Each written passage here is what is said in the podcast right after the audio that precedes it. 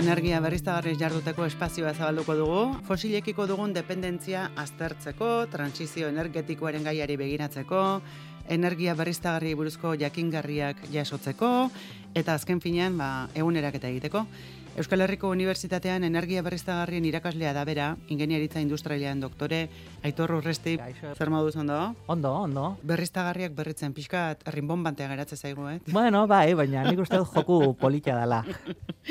Haze irudia. Zuk ere ikusiko zenuen, itxasoa sutan, Bai. Mexikoko kolkoan, PMS Kompainia Nazionalaren petrolio plataforma batek estanda egin, Urazaletik eunda berroita mar metrora zegoen gaso adi batean isuria izan ondoren, sua mendean hartzea lortu dute, iesa etetea ere bai, eta ikusi egin behar orain, ba, itxasoan egin duen kaltea zematekoa den, ze zientzilari eta ekologistek kezka larria daukatela ez dute eskutatu. Bai, bai, ala da, oin ikusi behar ez, gertatzen dan zen e, egia da honelakoak, hain ohikoak ez didala, e, gas naturaleko gasoduto batek estan daitea urraspidan, eta bueno, ikusi behar zen olako kalteak sortzen dituen, edo agian ez, eh? zen e, gasan inguruan hitz egiten gabetzanez, gasak gorak egiten dau, e, gehiengoak erre egin dau, beraz, bueno, agian kaltea oso partziala da eta oso e, toki hortan lokalizatuta, ez? Ikusi beharko da eta eta, eta bueno, pizkat ondo jarraitu ea zenolako ondorioak edo gertatu diran. Mhm. Plataformari neurria ez diogo oso ondo hartzen, ze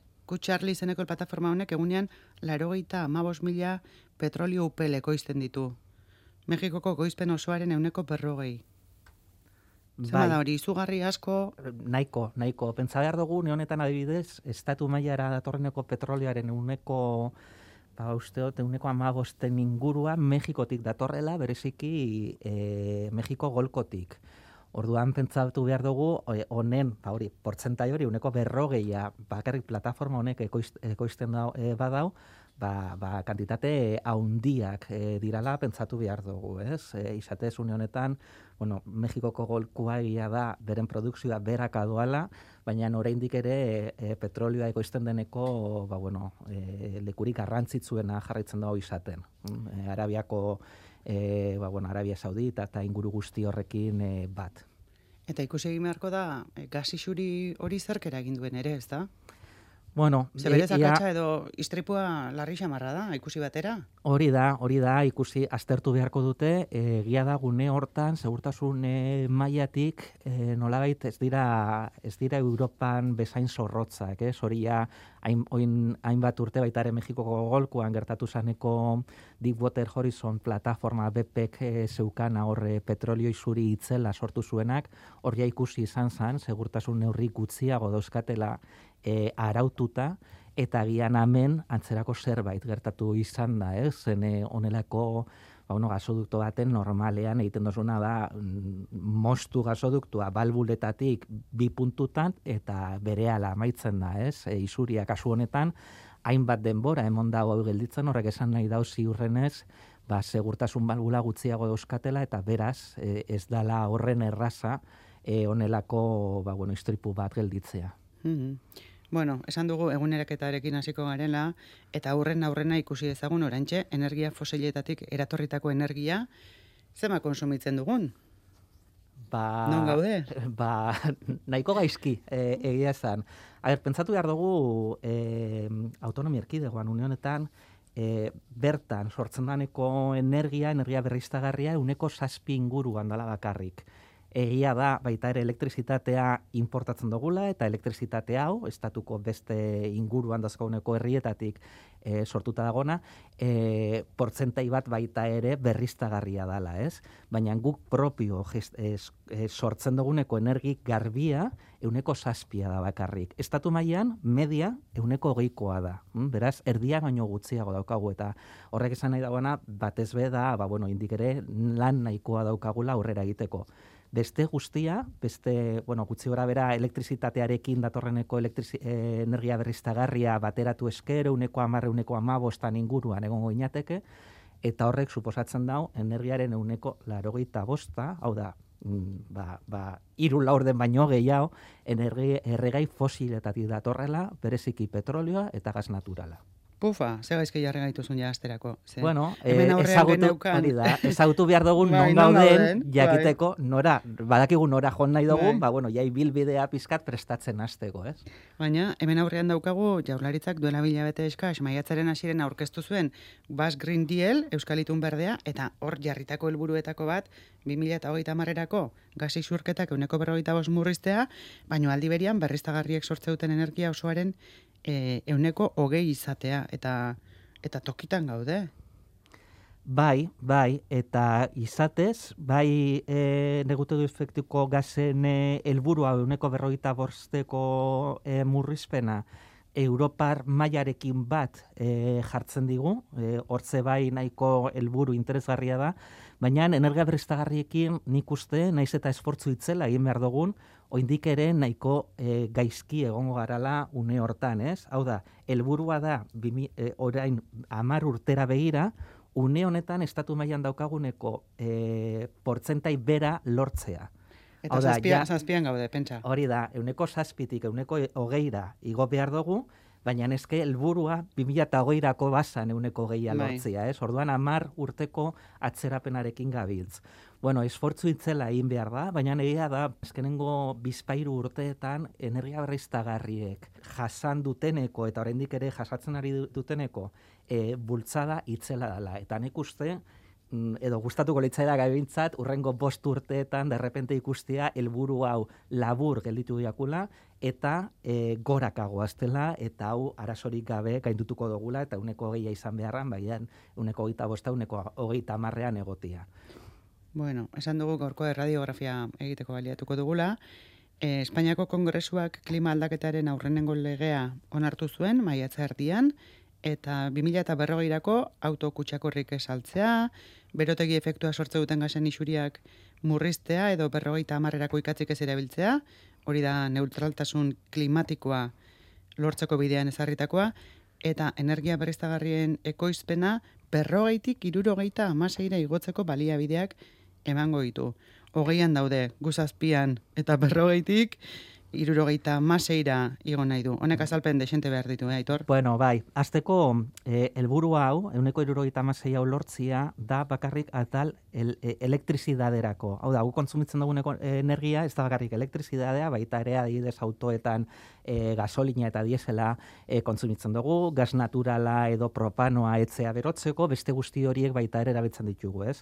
E, orduan, bueno, naiz eta helburua itzela iruditzen dagoan, ba, e, bidean bagagoz eta izatez une honetan estatu mailan proiektu asko e, sortzen ari dira asko gainera makroproiektuak eta honekiko baita ere asko e, komento daikegu urrengo asteetan bai. E, baina, baina bai bultzada e, interesgarria gertatzen ari dela penintzula mailan, ez? Orduan, bueno, nik uste hori e, nahiko irizgarria dela e, helburua energia berriztagarriena, ez? E, pentsatu behar dugu oraindik ere beste atal hortan, hau da, e, gasolinak diesela, gau da, garraioan, kontsumitzen daneko energian, hor berriztagarriak sartzea, hor esfortzu handia euki behar izango dugu, eta baita ere, etzen girotzean, batez be, beroketan eta urberoa sortzean, eta hortze baita ere, ba, bueno, lan eta erronka handia daukagu hortze berriztagarriak baita ere sartzeko. Bai, ze berriztagarriak hartzen bale maitugu sailka, datuak oso diferenteak izango dira, ez da, adibidez, ba, garraioari begiratu ezkero? Bai, bai, garraio hartu ezkero, garraioa e, une honetan, bai, azken hilabeteetan bat bereziki, e, ibilgailu elektrikoaz, ba, bueno, mm, propaganda desente ikusten ari gara, zen e, e, auto e, fabrikatzaile gehiena, ja, e, modelo elektrikoak ateratzen ari dira, eta publizidade asko e, ikusten dugu, eta hortze ointze hasi gara nolabait halako kuina sartzen ez eta ja berriztagarriak e, sarrera bat eukitzen baina oraindik ere oso gutxi da. Eta garraio sistema bereziki petrolioko derivatuak dira gasolina eta eta diesela ez? Besterik ez da sartzen momentu. Orduan hortze lan desente daukagu zen baita ere azpiegitura gehiago sortu behar dira, e, auto hauek kargatzeko, e, gasolindegietan ba, elektrolinerak sartu behar ditugu, hau da, lan, lan itzela daukagu, eta pentsatu behar dugu unionetan adidez, e, autonomia erkidegoan energikontzumo gehiena daukan sektorea garraioa dela, eta baita ere isuri neguteu efektuko gazen isurietan baita ere garrantzitsuenetakoa da. Beraz, e, garraioa izan behar da urrengo urteetan, ba, nolabait uh, erronka handi bat suposatzen dauaneko sektoria. Bai, garraioak e, darabilen energia mota aldatzeko, baina aldi berian e, energia transizioa egin eta erabiliko duen hori gertuko izateko, ez oso kanpotik ekartzeko, ze hori ere bada bestela beste kate bat. Bai, claro, transizio energetikoa zitzaiten dugunean, pentsatu behar dugu kontzeptua badoala energia berriztagarrietaz aratago. Hau da, ez da bakarrik energia berriztagarriak erabiltzen astea, baita ere, erabiltzen duguneko energia e, zentzu pizkatekin erabiltzea, da energia urrestea, modu eraginkorrean erabiltzea, hauek baita ere garrantzitsuak dira, eta aratago baita ere, nolait, soberanotasun energetikoa oso garrantzitsua da, hau da, ez dauka zentzurik energia, ba, unionetan bezala, ez dakit, argeliatik gaz naturala ekartzia, bidean, garraioan, energia asko gatzen dalako, askozaz beho beto da, hemen gertu, guk dauzkagun energiturrietatik hauek aprobetzatzea askozaz be eraginkorragoa izango dalako.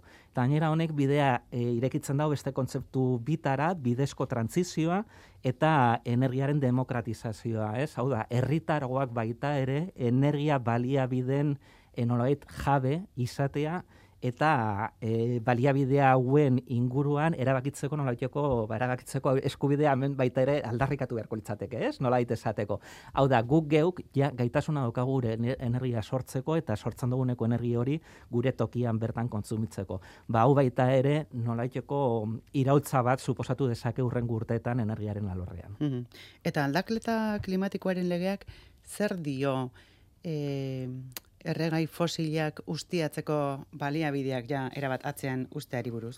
Bueno, nahiko garrantzitsua izan da, ez? Bai. Azken urteetan ja ezaten e, genuen hainbat hainbat lekuetatik ja argi geneukala e, klima aldaketa hemen bat zegola, argi geneukala zentzuk ziran e, errudunak nolabait eta bera zer egin behar genuen eta ikuspegi horretatik erregai fosil gehiago e, lortzeak ez zeukala zentzu askorik, ze ja, jakin badakigu une honetan, e, negutegi efektuko gazen isuriak e, e, murrizteko nazioarteko helburuak ikusi eskero, une honetan ja ezagunak direneko baliabide fosiletatik euneko laro gutxi gora bera erregabe utzi beharko genuke.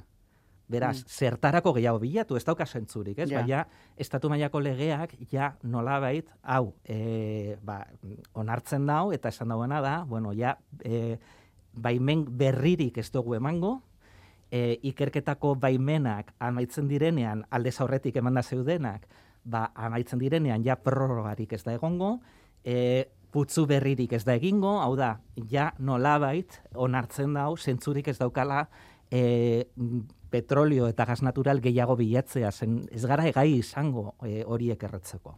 Eta honek ekarri duena da, Armentiabiko prospekzioarekin gertatutakoa, legia jaurlaritzak ba, subijana zundaketarik ez duela ingo, jakin du, gero gasa ezingo denez esplotatu, ba, ez duelako inolako zentzurik e, zuk esan duzunak, ez da? bai, putzu bai, bai. bila jarraitzeak.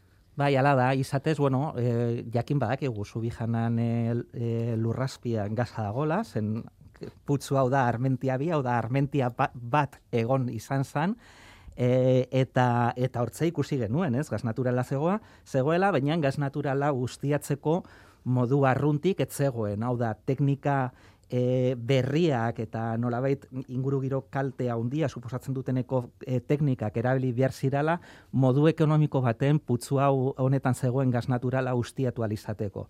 Eta bera sortze e, hasi izan, ba, bueno, indirala ja hainbat urte e, frakinaren e, inguruko ba, bueno, egon zeneko ba, ba, hartu emona nolabait esan dezakegu, ez? Artu emona? bai.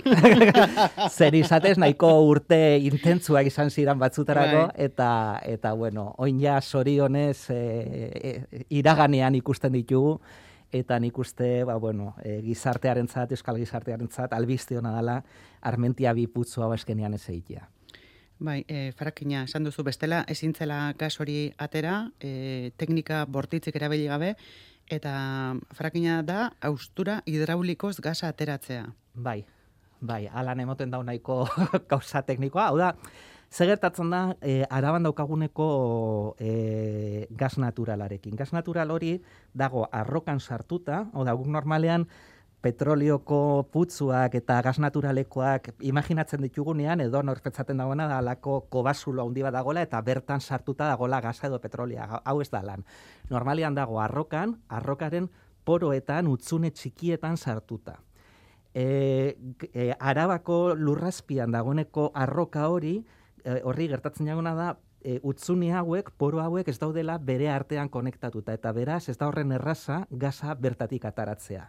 Eta orduan egiten dana da, ura, presio oso altuan, konposatu kimiko batzurekin bat, elurraspian saltu, sartzia, arroka hori apurtzeko. Eta lan gaz naturalaia aske gelditzen da eta ataratzeko gai gara. Hm? Hori da frakina.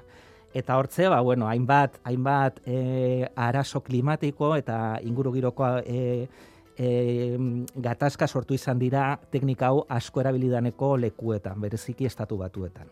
Mm azpiko horputzuak eta kaltetze zituelako hori zen bat? Bai, bai, bereziki hori zen bat, pentsatu behar dugu e, araban, e, konkretuki, e, e, ustiatu nahi zeneko geruza hau dagoela justu, e, arabako akuifero batzu eta batzuen azpian eta ez horren aldenduta eta beraz arrisku bat sortutako austura horiek akuiferoraino heltzea eta ur e, e, lurraspiko ur hori kontaminatzeko tiktara taldeari hartu diogu kantua, akoratzaltzarete.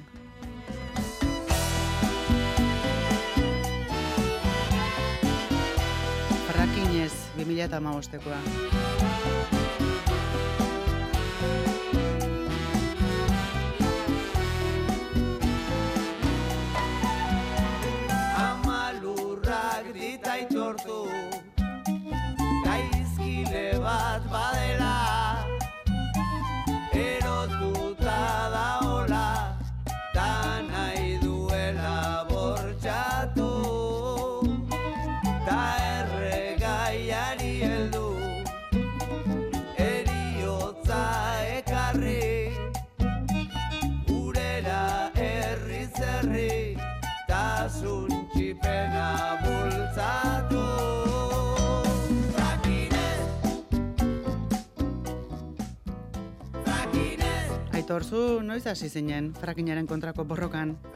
Ba, ja, kasi kasi hasieratik. E, hau hasi izan zen e, 2008ko udazkenian, e, une hortan lehendakari izan e, Patzi Lopezek, e, Texasen einiko bidai baten, e, ba, bueno, albiste eman eman, anuntzituzun zelan e, e, arabako lurraspian frakina erabiliko zen, e, gaz naturala ataratzeko. Eta orduan, ba, bueno, bere ala, zizatez ni, e, une honetan nire berreztagarriekin lan egiten nabil, baina nire lehenengo lana izan zan armentia bat putzuan e, honen produkzioaren e, zuzendari bezala, eta beraz, ba, bueno, nahiko ondo ezagutzen eban bai tokia, bai geologikoki zelan zegoen, eta teknika baita ere ezagutzen eban, eta beraz, horrego nintzen, ba, pizkat, nolaiteko aholkularitza e, teknologikoa eta eta aditu bezala laguntzen. Eta garbi ikusten zenuen ezin zuela izan. Eta orantxe Euskadin eta Nafarroan e, gasa ateratzeko e, ustiapen, ze ustiapen daude? Ba, izatez, modu aktiboan, e, Euskal Herrian ez dago une honetan e, putzurik martzan produkzioan. Badago bat herri osan nahiko gertu, biura ditzen dana, hau izatez e, ebek, e, energiaren euskala erakundearen e, enpresa bat da bertan baita ere bazkide, hidrokarburos de Euskadi ditzen dana, eta gero, euki badaukagu e, kostaldean, gaviota plataforma sana, permeon bai. aurrian, baina e, honek e, lan egiten dagune honetan biltegi bezala, hau da, gaz naturalaren presioa e, basua denean gaz naturala erosten da merkatu internazionalian eta biltegiratzen da bertan gero presioak gorak egiten dauanean biltegi horretatik gaz merkeagoa e, ateralizateko. Hm? Eta hortara horrelan funtzionatzen dago. Baina ustiapen aktiborik ez dago ja Euskal Herrian. Bueno, kapitulo hori bintzat itxi dugu. Aitor, eskerrik asko. Primeran, urrengor arte, agur.